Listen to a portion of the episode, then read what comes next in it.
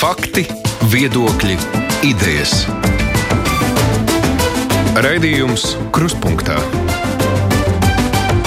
ar izpratni par būtisko. Tomsons šeit studijā. Turot roku uz pulsa, mēs krustpunktā šodien turpināsim tēmātu par cīņu pret onkoloģiskajām saslimšanām Latvijā nu, un iespējām tā saucamajiem vēža slimniekiem palīdzēt. Mūsu uzmanības lokā šis temats ir jau ilgāku laiku. Diemžēl tā pandēmija situācija tikai sarežģījusi. Mēs pagājušajā pusstundā radioraidījumā atvērtie faili dzirdējām, kāda ir tā pašreizējā realitāte, no ar kur tad onkoloģijas slimniekiem ir jāsaskaras, nu, kas nav visur pieņemama situācija. Tieši tāpēc arī Veselības ministrijas paspārnē kopā ar nozars pārstāvjiem ir tapis plāns, ko tad darīt nākamo trīs gadu laikā, lai uzlabotu veselības aprūpas pakalpojumu, pakalpojumus onkoloģijas slimniekiem. Protams, nav jau līdz galam zināms, vai šis plāns vispār tiks realizēts, jo tas arī prasa naudu. Finanšu ministrs ir skeptisks.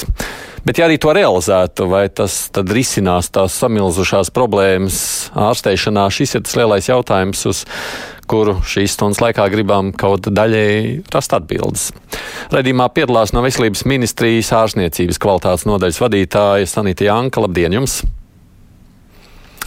Onkologs, ķirurgs, onkoloģijas centrā. Es tā īsāk pieteikšu Guns Ansāns. Labdien, jums, Ansānkungs. Labdien. Labdien. Krūts vēža biedrības vita vadītāja Irina Jānuma. Labdien, Jānums kundze. Sveicinu visus. Un Saimas sociālo un darba lietu komisijas deputāta Anda Čakša. Labdien. Labdien visiem. Uh, Nav jau noslēpums, ka vispār medicīnā tas galvenais izaicinājums ir rindas un tikšana pie izmeklējumiem un ārstiem. Mēs pagājušajā pusstundā dzirdējām nu, gan vienu konkrētu stāstu, kurā arī pirmreizējām cilvēkam šis zaļais koridors izrādījās krietni garāks nekā tam tā vajadzētu būt. Nu, nerunājot par otrreizējo situācijas, ir atkārtot saslimšana, kur tā situācija ir krietni citādāka. Lai runājot par zaļo koridoru vispirms pašs plāns, ko tad paredz vai nu uzlabot vai mainīt šajā situācijā, Janks Kundze? Um, atbildot uz jūsu jautājumu, zaļais koridors kā pasākums um, ir no iepriekšējā onko plāna, kas priekš pacientiem bija ļoti labi, jo pacienti šo pakalpojumu varēja saņemt negaidot šīs garās rindas. Uh, Esošajā plānā, kas top, tātad šis zaļais koridors tiek saglabāts, vienīgais tiks pārskatīti izmeklējumi, kurus veids šī zaļā koridora ietveros, vairāk tie būs izmeklējumi, kas saistīti ar šo sekundāriem izmeklējumiem, kuri jau notiek specializētās ārstniecības iestādēs, lai šie izmeklējumi būtu mērķtiecīgāki un varbūt būtu arī būs tādi daži izmeklējumi, uz kurus veica iepriekš nākotnē neveiks, bet šo zaļo koridoru, šos algoritmus pārskatīs kopā ar profesionālām asociācijām. Runājot par šo koridoru, Ansāna kungs, no jūsu tīra ārsta pieredzes, tas darbojas efektīvi, veiksmīgi, vai tomēr tur ir nepieciešams izmaiņas? Um, es teiktu, ka kopumā viņš darbojās efektīvi. Um, salīdzinājumā ar situāciju, kad uh, mēs ieviesām mūsu nu, stacionārā tika ieviests zaļais koridors situācija, kad šobrīd tad, pacienti viennozīmīgi ātrāk tiek pie izmeklējumiem. Es teiktu, ka aizsākties ir ļoti labi, bet nepieciešams ir turpinājums. Un turpinājums ir pacienti, kuriem ir dinamiska novērošana un noteikti izmeklējumi, uz kuriem pacientam joprojām ir grūti nokļūt. Ja, mums, piemēram, ir pacients, un šodien bija pacienti, kuriem nepieciešams, es atnācu šodien vakarā konsultēju pacientu, kuriem bija nepieciešams slēgt iliostomu, tad izmeklējuma, tad viņiem nepieciešams izmeklējums, lai pārliecināties par ķirurģiskās ārstēšanas efektivitāti vai tiešām šo procedūru var veikt vai nevar veikt. Un šo izmeklējumu, diemžēl, ir iespējams veikt tikai uz septembra mēnesi. Līdz ar to es teiktu, ka zaļais koridors pirmreizējiem onkoloģiskiem pacientiem strādā, darbojās, ir efektīvs, bet ir nepieciešams veikt nākamos soļus. Un, un šajā onkoplānā es, es redzu, redzu punktus, kur tie ir ieskaitri iezīmēti. Nu, proti, runa ir par, par to dzelteno koridoru un dinamisko novērošanu. Nu jā, tad, proti, tajā brīdī viena lieta, ka tu sāc tiec pie tās pirmreizējās ārstēšanas, bet tas turpinājums ir svarīgs, vai ne? Nu, tieši tā, jo onkoloģiskā slimība ir slimība mūža garumā. Tā ir, kā es vienmēr saviem pacientiem saku, tā ir katoļa laulība. Ja, jums patīk, nepatīk, bet jums ar to būs jādzīvo. Ne. Jā, mums kundze, skatoties no jūsu kā pacienta viedokļa šo problēmu. Paldies visiem, sveicināti vēlreiz. Un es gribu teikt, Aidi, diemžēl jūs arī esat upuris tam milzīgajam PR, kad zaļiem koridoram ir piešķirta 80% nozīme un 20% nu, tas ir PR rezultāts un 20% pašārstēšana. Nu, kāpēc tā domājat? Ai, tā kā, tā kā nu, iedeva jums tādu rīņķi glābšanas, visi ir izglābti. Tāds, diemžēl, bija uh, pēdējo vēlēšanu iepriekšējais saimas uh, tāds labs, labs PR, kad viņš nostrādāja par 400%. Diemžēl es mēģināju to skaidrot, vai sadzirdēts vai nē. Tas ir tikai 2 vai 5% no visiem izdevumiem. Vismazāk prasīs naudas. Visvieglāk viņu bija ievest, tikai organizatoriski, bet tas, piedodiet, ne koridors, pat ne durvis. Tas ir tikai taciņa. Bet, bet tas ir ceļš. ārkārtīgi svarīgs ceļš, vai ne? Sākotnēji tajā ārkārtīgi brīdī. Ārkārtīgi svarīgs, bezgala svarīgs. Un jaunajā plānā, kas tapis tālāk, uh, es zinu, kuri ārsti trīs profesori un divi mediķi vēl profesionāli strādāja pie jaunā skrīninga, jaunā ceļa. Nu, viņu priekšlikumiem, diemžēl, jaunajā plānā palika tikai no apmēram 30%, kas būtu veicams kopējā skrīningā, ne tikai zaļajā koridorā, bet kopējā skrīningā, ņemot vērā, nu, man gribās teikt par krūtsvēža pacientiem, kuriem ne tikai mammogrāfija ir nepieciešama vai ultrasonogrāfija krūtīm, ir um, retie uh, un īpaši bīstamie slimības uh, veidi krūtsvēzim, kad um, nepieciešams uh, nodokļu, uh, noteikti, noteikti kritērijus un um, diagnostikas algoritmus augsta riska grupas. Jā, nē, Irīnas kundze, mēs par skrīningu arī runāsim, bet par pašu zaļo koridoru kā tādu. Ja šobrīd pieņemsim. Aicinu netērēt laiku. Netērēt. Nu, kāpēc Viņš nē? Strādā viss kārtībā. Vis, jūs sakāt, ka viss strādā kārtībā. Mēs dzirdējām, ne, mēs dzirdējām pagājušajās pusstundās sarunu par to, ka cilvēks tajā brīdī, kad viņam ir nepieciešams otrreiz, jeb turpinot, jā, tad, viņam ir atrāts, ka viņam ir otrreiz šī onkoloģiskā saslimšana. Jā, un tad, tad, tad, tad cilvēks saka, jā, nu tad nākamais izmeklējums jums ir decembrī. Un tā nav, taču tur jau arī tās sacenšanās ar laiku. Tāpēc es jautāju par to, ko tad šis plāns paredz. Čakškundze, skatoties no jūsu viedokļa, tas vismaz arī šo problēmu atrisinās. Labdien, vēlreiz tiešām man, man liekas, ka katrs runātājs kaut ko pateica. Un, jā, man ir bijis tas gods būt stāvēt pie tā brīža, kad zaļo koridoru izveidoja Un, uh, man liekas, ka svarīgi ir nevis kā šo koridoru nosaukt, bet tas ļoti skaidri iezīmē to, ka ir ļoti daudz organizatoriskas problēmas joprojām sistēmā.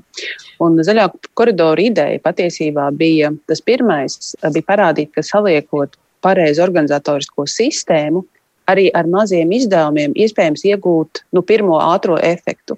Skaidrs, ka no tāda onkoloģiskā pacienta skatu punkta tas ir tikai pirmās durvis, pa kurām tiek ieiets iekšā, jo, jo kā precīzi jau dr. Antons teica, tā ir slimība mūža garumā, un principā no tā pirmā mirkļa ir jāuzņemās no tādas uh, sapratne arī uh, ārstniecības iestādēm, ka ar šo cilvēku būs jākontaktē ilgi, un, un tas būs nepieciešams tiešām dzīves garumā.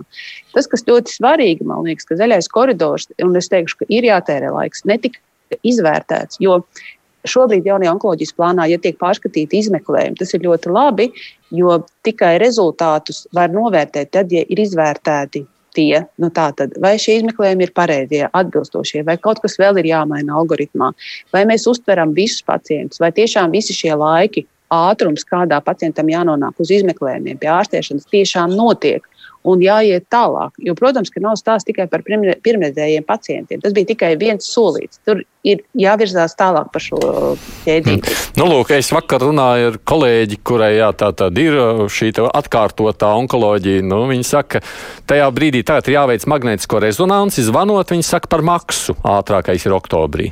Nu, kas nozīmē, ka nu, tas jau nav veids, kā var tālāk turpināt sadzīvot ar šo onkoloģisko saslimšanu. Tāpēc es to prasu. Vai ja šo plānu realizēs, šāda situācija, kā man kolēģis saka, nebūs? Varat apliecināt? Es... Es, es labprāt pieminētu arī šo gadījumu, kad magnētisko rezonanci jaunajā plānā neierakstīja. Jo tieši krūtsvēža tiem uh, bīstamākiem gadījumiem vajadzīga magnēta rezonance. Un uh, korekcijas bija jāiz, uh, onkoplānu bija jāiesniedz līdz vakardienai, līdz 16. jūnijam. Un, nu, es uzrakstīju, vai ņems vērā. Cerams, vai sapratīs, nezinu. Uh, pieredze tāda, ka no ārstiem, kuri rakstīja šo plānu, nevis veselības ministrijas darbinieki, bet ārsti, kad viņi iesniedza, no viņu ierakstītiem palika tikai Nu, labi, ja viena trešdaļa vai puse. Mm, jā, cikot, jūs sakāt, ka jūs esat skeptiski par to, vai tās tiešām nepieciešamās izmeklēšanas procedūras, kuras ir jāuztur, patiešām tālāk arī ļaus šo ārstēšanu turpināt. Es balstos profesionāļu viedokli. Jā, nu, ja runājam par profesionāļu viedokli, Jansāna kungs, tā ir?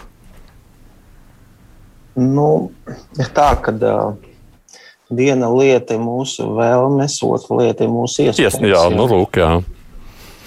Un, um, tas, kas man liekas šajā plānā ļoti pietrūkst, um, kad lasot to ievadu daļu, um, ir tas, ka um, tur nepiedalījās finanšu ministrijas pārstāvi. Nu, reizēm nevar zināt, vai tas ir labi vai slikti. es teiktu, ka tas ir slikti. Teiktu, man, mans skats no, no, no, no, no ārsta viedokļa, tas ir slikti. Jo um, Mēs varam sarakstīt visu, ko mēs gribam, bet uh, beigās to tāpat tās apcērt tie, kas, kur ir, nu, kur ir tie maciņu turētāji. Līdz ar to es teiktu tā, ka plāns ir labi, plāns ir nepieciešams, uh, plāns ir minimālā prasība, trīs gadi ļoti īsts plāns. Man, man, man, man, manuprāt, plānam jābūt uz 11 gadiem, bet nu, īstermiņa plāns arī ir labs plāns jautājums, vai, vai mēs atrisināsim visas problēmas, realizēt šo plānu simtprocentīgi, man atbildi nē. Mēs noteikti nerealizēsim visas problēmas. Nu, tas pavisam mēs varētu arī saprast. Tajā pašā laikā, nu, lūk, kaut vai šo pamatlietu, ko es saku, tad, ja mēs laižam cilvēku caur zaļo koridoru, tad kādu jūs tur pieminējat, oranžo vai kādu citu krāsu, kur mēs Jā. lietotu, vai ne šo koridoru, nu, kad arī tas darbojās, un, nu, vismaz tādos nesim, 90% gadījumu šiem pacientiem arī turpmāk ir iespējas, nu, tikt gan pie izmeklēšanas, gan pie ārsta, tad, kad ir vajadzīgs. Es domāju, ka jā. Es mm -hmm. domāju, ka jā, bet nu, tad jāiet detaļās. Tad jāiet detaļās par diagnozēm, par pacientiem. Jā, tad, tad mēs nevaram vispārināt. Mums ir onkoloģiskās slimības, ir ļoti plašs spektrs. Nu, jā. jā, mums. Vai es pareizi saprotu, Jānis Kunze, ka tā diskusija ir bijusi tāda par to, nu, ko iekļaut, ko neiekļaut, kas ir svarīgāks vai ko var šobrīd laist ārā kaut kā tā? Attiecībā par to, kas tika iekļauts onko plānā, veselības ministrija organizēja domnīcas. Un šo domnīcu rezultātā arī šis plāns tapa. Un šajās domnīcās bija iesaistīti gan speciālisti, gan arī veselības ministrijas nozares padotības iestādes, pacientu organizācijas. Um, ko es gribu teikt? Šis plāns tika nu, prezentēts ne, ne plāns, bet domnīcas rezultāti tika prezentēti arī citām ministrijām, jo šis onkoloģijas plāns jau nav tikai veselības ministrijas plāns, tas ir starp ministriju plāns, jo šeit ir vajadzīgs gan finansējums, gan arī um, digitāla pieeja, um, teiksim, vēža reģistrs. Tur ir vajadzīga labklājības ministrijas un arī izglītības ministrijas saistībā ar pētījumiem. Kas attiecas par šo pacientu novērošanu, tie, kas jau ir izgājuši pirmo ārstēšanas kursu, tad šis pasākums ir paredzēts plānā.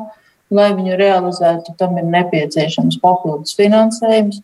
Un šī pacientu novērošana būtu jāiedala divās daļās. Tie ir tie pacienti, kas pēc ārstēšanas, kam nav šīs slimības recidīva, un otrs, kam ir slimības recidīvas. Un Plānā mēs noteikti neiesim pa diagnozēm.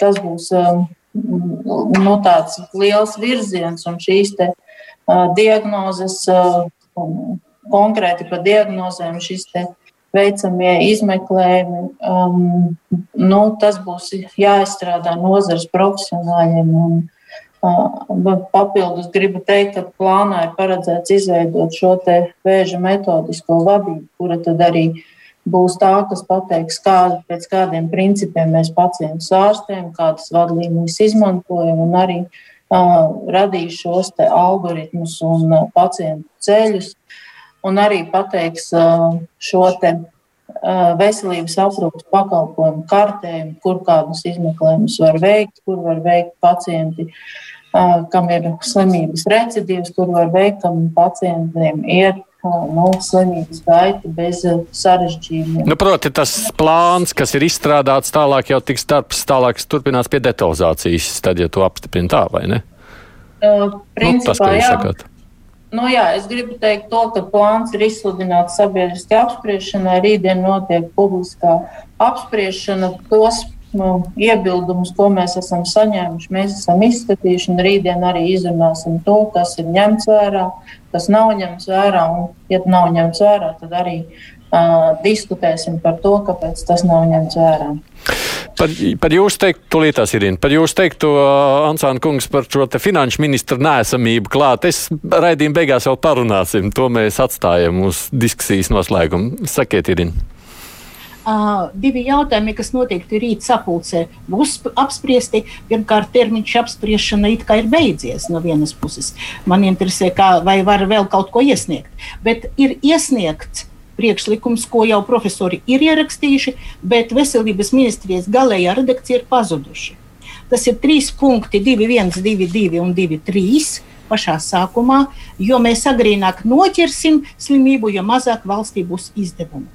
Un šeit nemānis, bet profesionāļu un ekspertu tēze bija tāda: izveidot starp nozaru institūciju. Redz, Eh, vakcinācijas birojas tapa ļoti ātri. Tātad onkoloģija, sistēmiskā darba un agrīnās diagnostikas veicināšana ir nepieciešams ekspertu viedokļu, eh, eh, pēc viedokļa viņu starp nozaru institūcija. To veselības ministra ir izsvītrojusi. Un šajā institūcijā viņai būtu uh, nu, lielāka nozīme nekā SPKC. Uh, tādai, kura apvienotu gan labklājības ministriju, gan satiksmes ministriju, gan. Uh, kāpēc, piemēram, jums, kāpēc tādi vajadzīgi? Tad paskaidrojiet, lūk, ir... lūk, desmit gados mūsu biedrība arī piedalās pārbaudi kampaņā pārbaudi krūtis, lai dzīvotu. Un mēs jau panācām nu, šogad 30%, bet uh, bija arī 46%, kad arī mūsu kampaņa palīdzēja SPKC darbībai. Un atsaucība uz mammogrāfiju bija, nu, viņa nekustās no 40%. Tas ir ļoti maz. Un mēs paņēmām to auditoriju, kura dzird, kura lasa, kur ir aktīva. Un ko tur dot, pieņemsim, un ko tur dot satiksmes ministrija, kas piedalītos A, šādā darba grupā? Jūs? Nu? arī esat šoferis, ja? Un ja satiksmes ministrija teiks, jūsu auto te apskate, varētu notikt tad, ja jūs atnāktu ar izziņu, ka jums ir vai arī lētāk jūsu auto apskate. Ja jūs izgājāt testu, um, vai tas būtu uh, zarnu vēzim, vai PSA, vai nu, kādu citu, to var izdomāt tā starpnozaru institūcija, kuru nepieciešams izveidot. Īpaši aizņemtās sievietes, viņas varbūt par vīriešiem parūpējas, pašas neiet. Un tur mums ir tie novēlotie krūtsvieši. Un mhm. atrast jaunus starpnozaru risinājumus, lai panāktu. Es atceros, vēl Čakšas kundze mums deva uzdevumu 75% atsaucību uz mammografiju. Nevaram, nu nav. Un līdz ar to arī mūsu biedrība savu uzdevumu uzskata par profilaksi un agrīno diagnostiku. Mm. Un tāpēc šeit nozīme starp nozaru institūcijai uz visu laiku izveidota ir arhi nepieciešama. Un, piemērs, Bulgārija 20 cilvēki ir štatā, kuri nodarbojas tikai ar vēža agrīno diagnostiku. Ansāna kungs, an, jā, es sapratu jūsu domu. Skaidri, Ansāna kungs, par skrīningu runājot, kā jums šķiet, cik tā ir šobrīd aktuāla problēma un tam būtu jābūt kā tādām prioritārēm jautājumam. Ansāna kungam ja to jautāju. Es jautāju Ansāna jūs... kungam. Es jautāju Ansāna kungam. Uh, skrīnings viennozīmīgi viens no risinājumiem onkoloģisko slimību. Ja mēs gribam samazināt uh, saslimstību un mirstību, kas ir tas mērķis, tad uh, skrīnings viennozīmīgi ir viens no pamat, pamat elementiem, kuru uh, risinot uh, šos rezultātus var sasniegt. Um, ja mēs skatāmies uz statistiku nu, globāli, tad, piemēram, man tumākā tēma ir kolorektālais vēzis. Ja, tad globāli pasaulē saslimstība ar kolorektālo vēzi samazinās. Ja, ja mēs skatāmies uz Austrumu Eiropu un uz Latviju, tad uh, tie, tie skaitļi mums nesamazinās. Viņi ir tādā pašā līmenī vai dažreiz atsevišķos gados. Tur tā statistika mums arī uzskaita, kliboja, ja, bet arī tā tendence nedaudz paliel, palielināties. Ja, tā, tad, un, un tad, kad mēs analizējam dziļāk, tad mēs saprotam, ka kad skrīnings tā, tā, tas ir viens no, no veidiem, kā mēs varam samazināt. Kas notiek Latvijā? Latvijā, piemēram, šobrīd pieejamie dati liecina par to, ka mums kolorektālā vēža skrīningā piedalās līdz 15% iedzīvotāju. Um, labākie skaitļi kolorektālā vēža skrīningā ir Dānijā 68%. Okay, mēs palielinām skrīninga skaitu, bet nākošais jautājums, kas sekojas skrīninga kolonoskopija.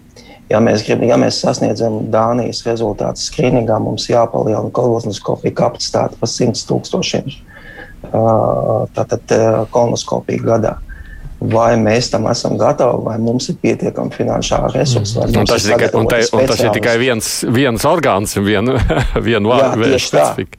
Tieši tā. Līdzīga situācija arī ar pārējiem. Tad, tad mums ir tad brīdī, kad mēs ieviešam skrīningu, mums ir nepieciešama nauda skrīninga, un mums jāpadomā jau par nākošo etapu. Tas skaidrs. Jā, jo jo savādāk izveidojas pudeles kakls. Ja runājam savukārt par šo plānu, cik šis skrīninga jautājums risina? Jo mēs šobrīd runājam, reiķinoties ar to, ka klausītāji jau šo plānu nav risinājuši, lasījuši. To vienu lietu, ko mēs te pieminējam, to zaļo oranžo koridoru, apmēram jūs to problēmu iezīmējat. Runājot par skrīningu savukārt, ko Janums Kundze aktualizē. Ko šis plāns risina šajā ziņā? Nu, te ir iezīmēti būtiskākie skrīninga jautājumi, kas, kas ir jārisina. Mm -hmm. Šajā plānā tas viss iekšā ir. Mm -hmm. Mm -hmm.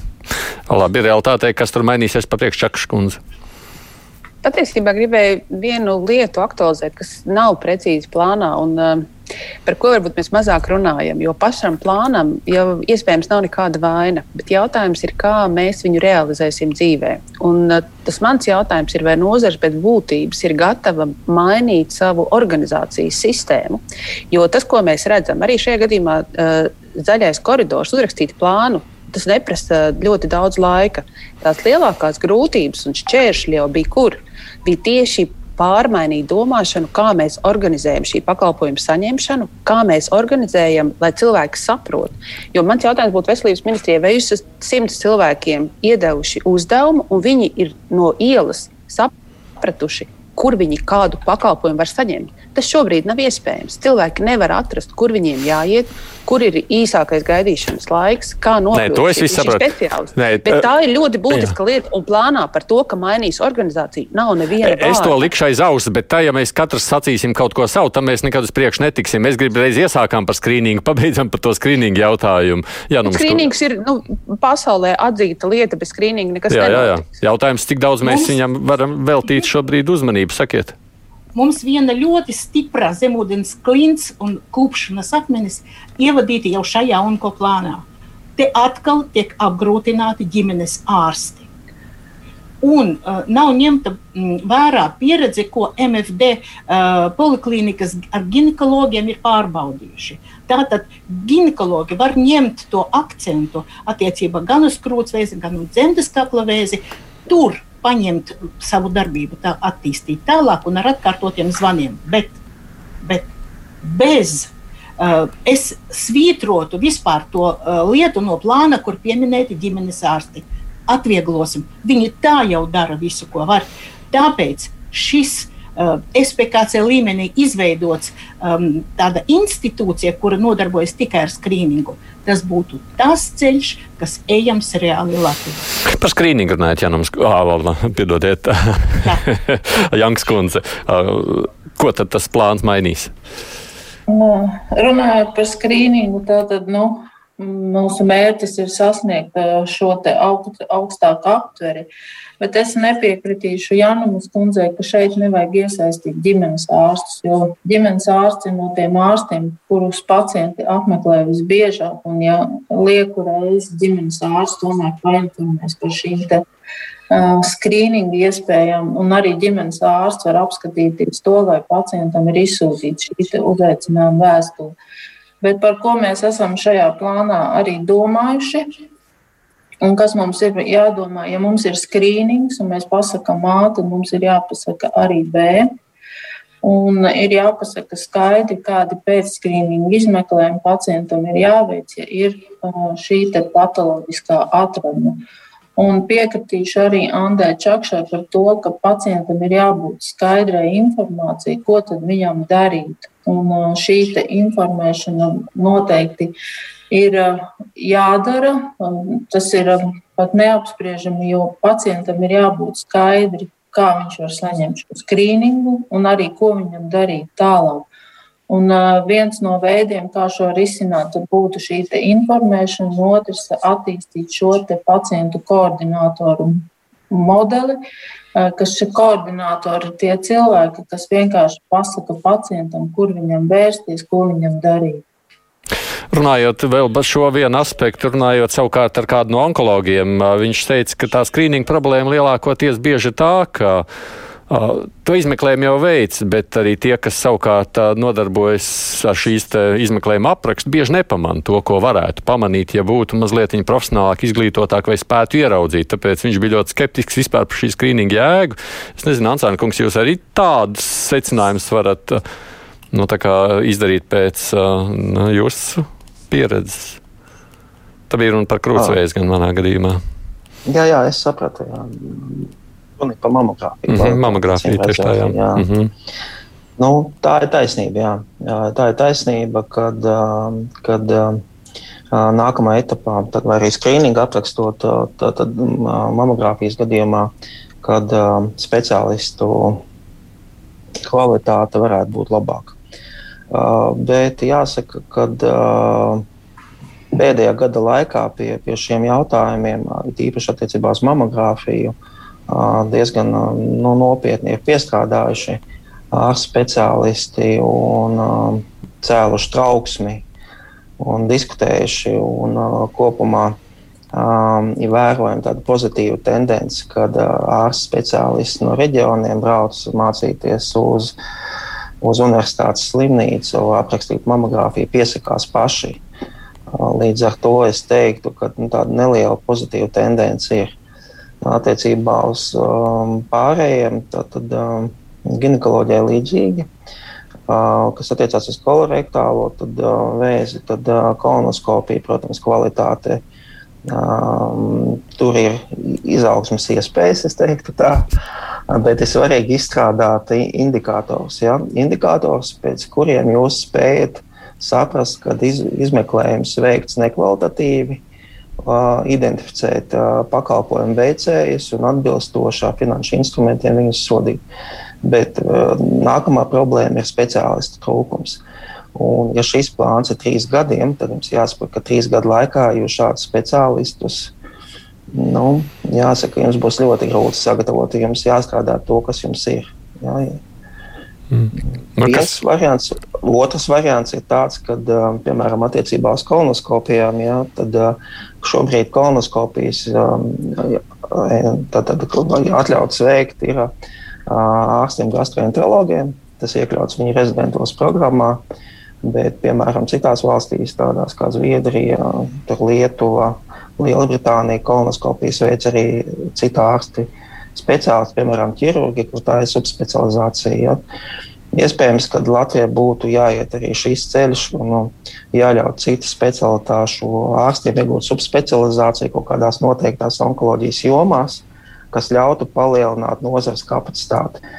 Bet, nu jā, nu, pirmais, ar ko tomēr jāsāk, ir datu analīze. Uh, kā, kā jau mm, dr. Čakšs teica, un uh, datu analīzē jums ir nepieciešams platforma, kur jūs tās datus analizējat, un otra lieta jums nepieciešama indikātori, pēc kuriem jūs tos analizējat. Mm -hmm. Kvalitātes indikātors, starp citu, ir iestrādāts šajā uh, onkoloģijas plānā. Ja šī no lieta ir noteikti, kas ir aktuāla gandrīz visiem, veselības ministrijai, tātad, ja viņi tērē naudu un saka, mēs dodam naudu, un tiešām tā nauda ir maza nauda, vai ne, lai, lai veiktu skrīningu, pārbaudu, bet ja, ja, ja pārbaudu veids to dara nekvalitatīvi. Cilvēks nomierinās, viņš saka, viņam viss ir kārtībā, jā, neko nepamanā, bet patiesībā jau varēja pamanīt, ja būtu pamanījis. Šī acīm redzot, ir viena ļoti būtiska lieta, kam noteikti gribas nu, risināt, es ceru. Jā, jā, Jānums Kundze. Maza piebilde par skrīningu un attēla kvalitāti, ko piesūta no novadiem pēc mammogrāfijas izmeklējuma. Uh, Šeit ir liels darbības lauks varam ministrijai, tātad mūsu lielākajām pašvaldībām un lielākajām pilsētām. Ja šeit mums būtu savienojums un inter, interneta kvalitāte un datoru savienojamība ar ārstiem lielajās slimnīcās, tad šo četru acu vai divu ārstu pāris pārbaudē vis, visām šīm analīzēm, izķertu tos nu, palaistos garām agri diagnozes, kas vēlāk kļūst novēlotas. Jo, ja kvalitatīva vieta, uz vietas ir kvalitatīvs attēls, viņš kvalitatīvi tiek piegādāts centrālajās slimnīcās un varbūt topošā mūsu ekscelences onkoloģijas centrā vai uh, Nacionālajā vēža centrā, kas tomēr ir ceru taps, lots bāzes, lots bāzes, tad tur apskatās divi um, radiologi profesionāli, un mēs nepalaidīsim. Bet bez varam ministrijas atkal starp nozaru institūcija jābūt, kur savieno šīs interneta sistēmas, un mēs jau esam neliela valsts, mēs līdzīgi Igaunijai varam nodrošināt to kvalitatīvi, tad lūk, kā mēs varam nepalaist garām. Nu jā, vēl te, ja drīkst, pirms es Čakšs kundzei dodu vārdu, viesturs arī vēl šo aspektu otru saka, man no dzīves veicot izmeklējumu Daugopilī, pēc tam ārstrīgā saka, nē, iekārta bija veca, tur nevar redzēt to, ko var noteikt, taisām pa jaunu. Nu arī, lai šādas lietas nenotiek, tas ir svarīgs, ja reiz valsts maksā par kādu izmeklējumu, ka, no, ka tāpēc tam ir patiešām kvalitatīvs rezultāts Čakšs kundze. Jā, te ļoti daudz tēmas vienlaikus tika nu, protams, teikt. Viens, protams, ka ir skaidrs, ka veselība visās politikās, un tur uh, Jānums kundzei nevar nepiekrist. Nav tikai veselības ministrijas atbildība, tur ir jābūt uh, sadarbībai tiešām ar ļoti daudzām nozarēm. Bet, kur es nepiekritīšu Jānums kundzei, ģimenes ārsts nevar izslēgt no tā ārā, jo tas ir primārais ārsts. Tas, ka mums neapmierina tas, ka kādā veidā ģimenes ārsts strādā bieži, un es negribu teikt visi, bet te ir diemžēl procents, kas neveic kvalitīvus savus pienākumus, un līdz ar to rodas pacientiem sūdzības. Tā nu, gan, diemžēl, ir tiesa. Bet es atgriezīšos pie šīs kvalitātes, un tas saistīts ne tikai ar vispārējo veselības aprūpi, bet, protams, tas skar arī skrīningu. Un te ir ļoti svarīga tā apusējā saite, ka gan ārsti ziņo, jo, ja lielajā slimnīcā viegli ārstam pateikt, es vienkārši tajā bildē neko nesaprotu, jums būs jā, jāpēc vēlreiz šis izmeklējums. Bet paziņot atpakaļ uz vai nu veselības inspekciju vai Nacionālo veselības dienu, skaidri norādot, ka no turienes nāk nekvalitatīvi izmeklējumi, un šis man ir trešais, piektais, desmitais, bet es turpinu klusēt, tad mēs nekur nevaram virzīties. Tādēļ es runāju par to, vai sistēma pati ir gatava iekšēji kaut nedaudz mainīties un teikt, kolēģis no pilsētas X man piekto reizi sūta neatbilstošu izmeklējumu, vai kolēģis Y man sūta no tās pilsētas nepareizu diagnozi. Tas, diemžēl, nenotiek. Un pacients cieš. Pacients šajā situācijā ir pilnīgi bezspēcīgs. Janks kundze par to sistēmu runājot, reiz Čakšs kundze to jau otrkārt atkārto. Kā ir? Es piekritīšu Čakas kundzei, ka uh, ir tā, ka nu, ārsti paši neziņo par šiem gadījumiem, un uh, mēs te uzzinām to mēdījos vai kur citur. Bet šeit ir jāmainās nu, gan tiem, kas veic šos izmeklējumus, gan arī tie, kas saņem šo pacientu un kuram konstatē, ka ir. Um, nu, ir jau ielaists gadījums, un arī šajos gadījumos būtu jāziņo. Un tad mēs varam veikt ārkārtas pārbaudes un mēs varam pārskatīt uh, līgumu ar šo iestādi, jo uh, noteikti kvalitātes kritērijas tas neprasa finansējumu. Un, um, mēs ļoti ceram uz šo mēža metodisko vadību, kas pateiks tieši kādām ir jābūt prasībām gan aparatūrai, gan arī ārstam, kas sniedz šo pakalpojumu, gan arī to, kas, teiksim, pieņemsim, pēcskrīninga izmeklējumā, kolonoskopijā, kas ir jāredz. Nu, ir jābūt skaidram kas ir jāredz. Un, ja izpilda šos kvalitātes kritērijus, tad mēs esam gatavi maksāt arī par šo pakalpojumu lielāku summu, jo nevienam nav noslēpums, ka šī pēcskrīninga kolonoskopija ir daudz sarežģītāka un tā prasa lielāku laiku un lielāku atbildību. Un līdz ar to nu, mēs saprotam arī, ka šim tarifam ir jābūt lielākam. Kas attiecas par krūtsvēža skrīningu, um, tad um, mēs esam daudz strādājuši ar Austrumu slimnīcas radiologiem un ar radiologu asociāciju. Un uz doto brīdi notiek pilota projekts Austrumu slimnīcā, kur uh, šis vēža skrīninga gadījumā apraksti tiek veikti nu, pēc divām uh, sistēmām, pēc šīs bijušās R sistēmas, esošās, un arī pēc birata sistēmas, kas paredz uh, to, ka nu, šie te, mm, apraksti ir struktūrētāki un atbild skaidri uz jautājumiem. Un otra lieta, ko pilotē Austrumu slimnīca kopā ar Stradiņas slimnīcu, ir to, ka šie apraksti tiek veikti absolūti neatkarīgi. Un, uh, abi ārsti, kas apraksta šo izmeklējumu, nezina, kāds ir viena apraksta un kāds ir otra. Un ka sistēma pati salīdzina, un tajos gadījumos, kad nesakrīt, tad pieaicina trešo radiologu. Mm -hmm. Es atgādināšu tikai klausītājiem, mums šeit ir um, četri dalībnieki runājot par šo vēža plānu. Sanita Janka no Veselības ministrijas, Gons Ansāns, onkologs ķirurgs, uh, Anda Čakša, saimnes sociālā darblietu komisijas deputāte un Irina Januma vada krūts vēža biedrība Vita. Raidījums Krustpunktā. Runājot tomēr par citām lietām, vēl, kas arī ir aktuāls, viena lieta ir savukārt jaunie inovatīvie medikamenti, jeb mūsu tā medikamentu pieejamība, par ko man arī viens no klausītājiem šeit raksta. Mums taču Latvijā ir tikai, kā viņš saka, 12 veidi. Daudz kas no padomu laikiem nav mainījies. Ko plāns paredz mainīt šajā ziņā, runājot par jaunajiem medikamentu pieejamību? Um, šajā plānā ir paredzēts um, to, kā šie medikamenti tiek iekļauti.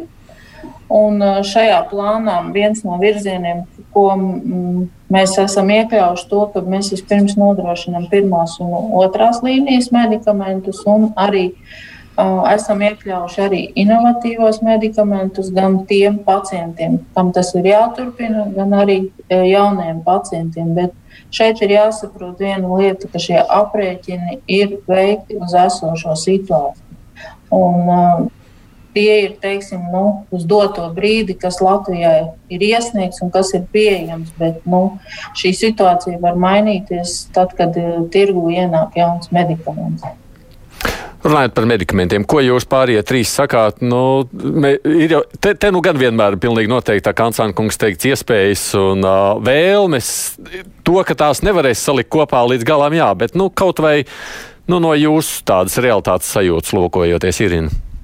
Jā, man jautājums eh, veselības ministrija pārstāvēja. Uh, iepriekšējā plānā inovatīviem medikamentiem bija ierakstīti 14,6 miljoni. No tiem sasniedza vislabākajā gadā nu, 6, 7 miljoni reāli tika iztērētas inovatīviem medikamentiem. Un par to mēs arī priecājamies. Jaunajā plānā mēs redzam ciparu nu, ļoti iepriecinošu. Uh, palabojiet, ja es pateikšu neprecīzi, bija vairāk kā 80 miljoni cik reāli no tiem mēs varam cerēt, ka viņi arī būs. Pats, jūs esat skeptiski, skeptiski par to, budžetā. ka tas nedarbosies. mums, mums vajag lobiju budžetā, mums vajag veselības ministrijas eh, Pauļota kungu tādā nu, ļoti izdarīt to, kas ir ierakstīts plānā. Nu, tas ir saprotams. Es par to pēc tam ar mazliet vēl runāšu, bet, nu, skatoties uz šo visu, 80 miljonu, tomēr tas būtu skaisti, vai ne? Ja būtu. Pirms, Jan, pirms Janks kundze komentēs šo, ko pārējie divi dalībnieki sakāt par šo ieceri. Es, es... Nē, nē, nē Antāna kungs. Nu, iecerē labi, jā, bet mums, mēs, es, es gribētu to, tomēr sagaidīt to rezultātu. Mm -hmm. Jūs tikpat skeptiski kā Irina, jā, mums skatāties. Ja es kļūdījos ciparu, Jankas kundze, palabojiet tas ir cita ailēs paskatās. E, jā, tūlīt tās varēs labot Čakškundze. Nu, es droši vien par pilnu summu arī būtu attiecībā uz medikamentiem skeptiska, ka, ka visa šī summa būs. Bet es uzskatu, ka teiksim, pirmās līnijas medikamentiem noteikti visiem būtu jābūt nodrošinātiem.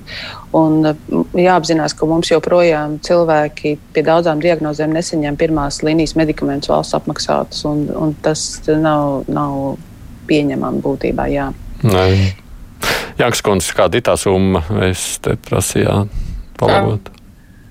Šī summa, ko es jums nosaukšu, ir provizoriska, jo uz doto brīdi vēl, kamēr nav bijusi apspriešanā, nu, es jums nevarēšu precīzi, bet tie ir aptuveni 80 miljoni. Tā kā sacīja Janums Kundze. Mhm. Jā, jā, bet nu, katrā gadījumā nu, noteikti būtu vispirms pirmā, otrā līnija, jo šī summa ir ļoti liela. 80 miljoni tikai nākošais gads, bet nu, jārēķinās ir tas, ka ar katru gadu šī summa paliek arvien lielāka. Ja drīkst, tagad šis ir tas jautājums, ko Ansāna kungs jau sākumā teica, vajadzēja jau tur finanšu ministra pie plāna izstrādes.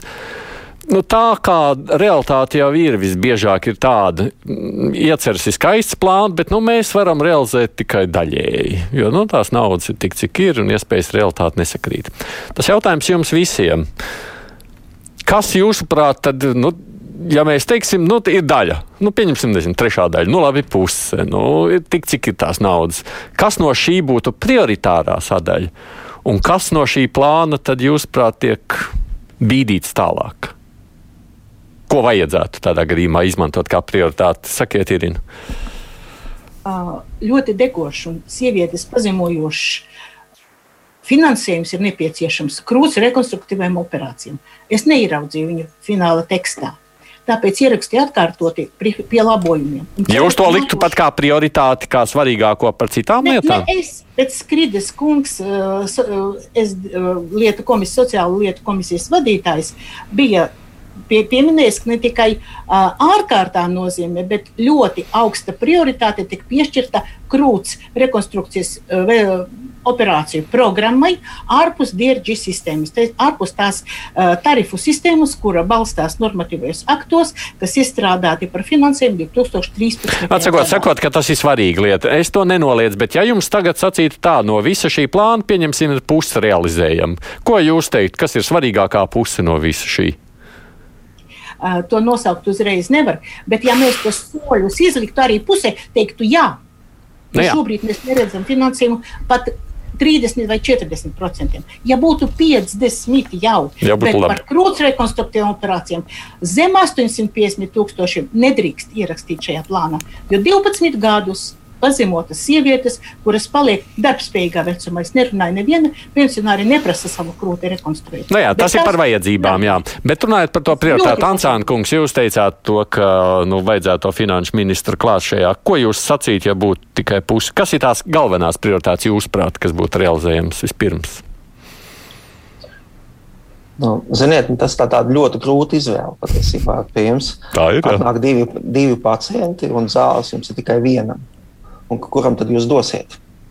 Nu, tāds tas jautājums. Bet, bet, tā, bet tā jau arī tas notiek, vai ne dzīvē, realitātē? Nu, jā, to sauc par triāžu. Tad dod naudu tam, kur var izglābt.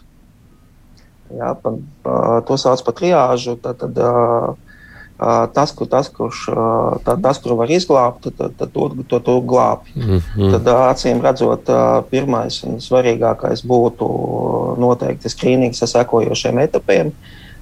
Diagnostika, un noteikti metodiskā vadība, procesa vadība, ieskaitot arī teiksim, datu bāzes, ieskaitot reģistru, tas būtu pamats. Mm. Nu, ja mēs tā skatāmies pēc triāža, triāžas principa, tad mums pēc iespējas ātrāk jāatrod pacienti pirmā, otrā stadijā, jo viņiem mēs reāli varam palīdzēt.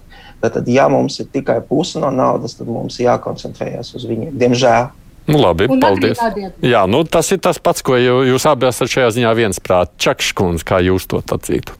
Nu, es uh, droši vien nebūšu šeit uh, unikāls. Arī teikšu, ka uh, pirmais un svarīgākais būtu agrīna diagnostika un ārstēšana. Mēs zinām, ka katru gadu ir apmēram 11,000 cilvēki, bet te būtu tātad gan pirmreizēji, gan atkārtoti saslimušie. Un es tikai pēc tam runātu par, par skrīningu jaunām metodēm, jo to jau precīzi minēja Ansāna kungs, nav jēga no skrīninga, ja mums pēc tam veidojas pudeles kakls. Ļoti svarīgi, ka mums šī agrīnā diagnostika un tad uzreiz sekojoša ārstēšana ir iespējama, vismaz ar pirmās, otrās, līmeņa, otrās līnijas medikamentiem, un to var noteikti ļoti precīzi aprēķināt, cik tas ir nepieciešams. Un tad, kad tas ir panākts, tad es ietu plašāk. Ir skaidrs, ka mēs gribam, lai būtu daudz plānā, ir minēts teiksim, par tādu socio-emocionālu atbalstu. Varbūt, ka tur var piesaistīt labklājības ministrijas vēl finansējumu, skatīties, kur vēl kaut ko blakus var dabūt, bet likt eh, nu, tiešām. Pirmais ir cilvēka dzīvība, agrīni diagnosticējam un spējam saglabāt to dzīvību, un tad skatāmies, ko mēs kvalitatīvi varam vairāk darīt klāt. Jo tā ir grūta izvēle, bet um, vēl viena nianses, te man liekas, taisnība Ransāna kungam par to, ka uh, plāns trīs gadiem tas nav plāns, tā, tas ir tāds izpildāmā tabula. Būtībā šie lielie strateģiskie mērķi ir jāvirza uz ilgākā laika posmā, jo cilvēku resursu atjaunošanās noteikti ir 10, 11 gadi medicīnā. Otrs, kas noteikti būtu skaidri jāpasaka, ka tuvāko trīs gadu laikā mēs gribam sasniegt. Nu, kaut kādu skaitli, teiksim, krūtsvēža vai, vai diagnostikā, kaut kādu ļoti skaidru mērķu, uz ko tad strādājam. Tad mēs varam likt nākošo mērķi. Bet, ja mēs vienkārši uzrakstām tādu ļoti visaptverošu, tas tikai mēģināt nogāzt sienu ar vienu sitienu, tā nekad neizdodas. Ir vajadzīgi ļoti skaidri, mētiecīgi solīši, kā mēs to sienu nogāzīsim. Jankas kundze, tas pirmais, te ir divi jautājumi jums. Tas pirmais, vai jūs strādājot pie šī plāna arī šādā veidā turat tajā nezinu, tajā kaut kādā rezerves atvilknē to sacīto. Nu, ja būs naudas tik, tad pirmā, pri, primārais ir šis, tad prioritārais nākošais ir šis. Jūs tā to darījāt, vai darāt, vai, vai grasāties darīt? Nu, skaidrs, ka mums veselības ministrijā ir savas prioritātes, ka mēs eh, novirzīsim vispirms šo naudu. Es noteikti teiktu, ka tas ir skrīnings. Otrs noteikti ir šis dzeltenais koridors, šī dinamiskā novērošana, agrīna diagnostika. Noteikti vajadzētu naudu medicīniskai rehabilitācijai, jo šie pacienti ir uh, zināmā mērā ar šo apdalīti. Un um, veselības ministrija kā prioritāti virza arī zēnu vakcināciju pret cilvēku papilomas vīrusu. Mm. Es paskatos arī. Jā, sakiet, ir. Krūts rekonstruktīvās operācijas. Nu jā, nu jā, labi. Es izklausīju, ko katrs redz šeit vai sadzird, kā Nu, svarīgāko no man jau te Jānis, es redzu arī, ko ļaudis raksta, arī interesi skatos. Jānis saka, ziniet, kā mums naudas pietiek visam, dziesmu svētkiem, teātriem, muzejiem, hokejam un citiem sporta veidām, koncertzālēm, bet lūk cilvēku dzīvībām. Naudas jautājums ir tik mokošs, ka tā vien šķiet, ka tas nekad netiek atrisināts. Un tad uh, vēl tāds no pieredzes Sanita raksta, kad man 80, 1984. gadā noteica diagnozi. Tas viss toreiz arī notika mēneša laikā. Pagāja divas nedēļas, es jau biju izoperēta, vēl pēc divām nedēļām bija ķīmijterapija. Tāpēc es esmu dzīva un strādāju vēl šobaldienu, tāpēc paldies ārstiem, cik svarīgi ir, ka tā ārstēšana notiek ātri un strauji. Runājot savukārt par kādām atsevišķām detaļām, te ir nu, gan no vēstulēm, gan no visa pārējā var spriest, ka ir kaut kādas tādas sīkākas daļas, par kurām arī varētu runāt. Viens no jautājumiem, ko jūs pieminējāt pie tā saucamā oranžā koridora, ja brīdī, kad ir nu, tālākā uzraudzība ārstiem, pacientiem uz tām regulārajām pārbaudēm, ja nav tajā brīdī vēl nekāda recidīva. Vienmēr jāiet, pieņemsim, pie onkologa, lai dabūtu nosūtījumus uz nu, to vajadzīgo izmeklējumu. Un tad viņš saka, tā atnāc pie ģimenes ārsta, ģimenes ārsts saka, tu aiziet pie onkologa, onkologs tev iedod no, nosūtījumu. Tad nevarēja uzreiz ģimenes ārsts nosūtīt, ja zinot, ka tas ir reizi pusgadā vai reizi gadā šis izmeklējums obligāti jātaisa. Līdz ar to atslogot onkologus tajā brīdī, jo no onkologa neko vairāk neprasa ienākot pa durvīm, saka, lūdzu man izmeklējumu. Un kaut kādā veidā šādi kaut vai pātrināt gan laiku, gan mazāk noslodzi. Jā, Irīnas kundze. Šeit būtu atrisinājums modernais vēža reģistrs, kurā pacientu plūsma tiek arī fiksēta, un viņi varētu redzēt. Bet mums tāda reģistra pagaidām nav. Nu, labi, ja jūs sakāt, ka to varētu reģistrēt Jankskundze, nu šis ir tāds jautājums, kas, nu, varbūt neprasītu tik daudz naudas, cik atvieglotu vienu daļu no problēmām. Šis jautājums noteikti neprasītu daudz naudas, un ja šis pacients, kuram ir nepieciešama šī dinamiskā novērošana un Uh, ir izstrādāti skaidri šie pacientu ceļi ar izmeklējumiem, ar regularitāti. Tad, protams, tur var nosūtīt arī ģimenes ārsts, izņemot uz to izmeklējumiem, uz kuriem var nosūtīt tikai speciālisti. Un šeit nebūtu jāiet pie onkologa. Šeit pie onkologa būtu jāiet tajā gadījumā, ja konstatē novirzes un Um, katrā gadījumā tagad pastāv iespēja šīs attālinātās konsultācijas, kur ģimenes ārsts var konsultēties ar ārstu speciālistu un tad pieņemt lēmumu par tālāko taktiku. Šis noteikti nav tas jautājums, kas prasa lielus finanšu ieguldījumus. Varētu teikt, pat ļoti minimāls vai nemaz. Ne? Sistēmas jautājums lielā mērā. Ko gribējāt teikt, Janums Kundze? Maza replika priekš visiem klausītājiem, kuri pirmo reizi sastopās ar šo jautājumu. Ja ģimenes ārsts dod norīkojumu pie onkologa, tas onkoloģijas iestādē der veselu gadu. Pēc tam vairs nevajag lūgt. Mm -hmm. Un tad, ja tu piestiprinies pie sava onkologa, tad tas onkologs redz, ka tev vajag vai mammogrāfiju, vai tūlīt pat ultrasonogrāfiju, vai kādu citu izmeklējumu, un mēs piestiprinamies kā pie otra ģimenes ārsta, pie sava onkologa. Mm. Par ilgtermiņa plānu, ko te pieminēja gan Ansāna kungs, gan Čakšs kungs, Janks kungs, veselības ministrija strādā arī tālākā perspektīvā, ne tikai trīs gados. Katrā gadījumā, rakstot šo plānu, mēs skaidri zinām, kuri pa, plāna punkti pāries uz nākamajiem gadiem. Mums jau ir priekš pašiem iestrādāts nu, šis septiņu gadu plāns, ne desmit gadu plāns. Šis trīs gadu plāns ir saistībā ar visiem politikas plānošanas dokumentiem, bet katrā gadījumā mēs zinām jau, kuri ir tie pasākumi, kas būs jāturpina arī pēc 2024. gada. Mm.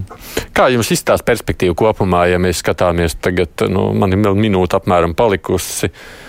Um, aina jums šķiet, ar ko beigsies šī plāna apspriešana un ar kādu perspektīvu mēs rēķināmies tālāk? Um, šeit ir nu, divas perspektīvas. Viena perspektīva ir nu, šis plāns. Um, Cik viņš tiks realizēts, ir zināmā mērā atkarīgs no piešķirtiem finanšu līdzekļiem, un kad mums ir jānosaka šīs prioritātes. Nu, otra lieta ir tie pasākumi, kurus mēs varam izdarīt bez papildus finanšu līdzekļiem, ko mēs varam izdarīt esošā budžeta ietvaros. Kas attiecas par vēža reģistru, tad šeit nav paredzēts valsts budžeta finansējums, šis būs varama finansējums. Tā kā nu, ir plāna rīcības virzieni, ko mēs varam arī realizēt, nu, nepiešķirot šos 100 miljonus. Tagad notiek apziņa. Jā, laba ziņa. Tagad notiek apspriešana, kad tālāk kā tā virzība ir paredzēta. Tā virzība ir paredzēta rītdien, ir apspriešana, un uh, tad mēs uh, vienosimies par uh, šiem te, nu, iesniegtajiem iebildumiem, un tad mēs uh, apkoposim visus šos iebildumus ar precizētām redakcijām un uh, iesniegsim vēlreiz izvērtēšanai. Uh, bet, kas attiecas par finansējumu, tad tas kopā ar politikas uh, iniciatīvām līdz 30. jūnijam tiek virzīts uz finanšu ministriju. Mums jābeidz. Es zinu, ka jums vēl kādi savi jautājumi. Jūs varat pēc raidījuma vēl paspēt parunāt, tad, kad es atslēgšu savu daļu savukārt. Es saku paldies par piedalīšanos Sanita Janka, kas ir Veselības ministrijas ārstniecības kvalitātes nodaļas vadītāja un uh, krūts vēža biedrības vita vadītāja Irina Januma, onkologs, ķirurgs, onkoloģijas centrā Guns Ansāns un saimnes sociālā un darba lietu komisijas deputāta Andu Čakša. Paldies par veltīto laiku. Kruspunktā gan šodien izskan producentu raidījumam Mevi Junām studijā bija es Aidis Tomsons.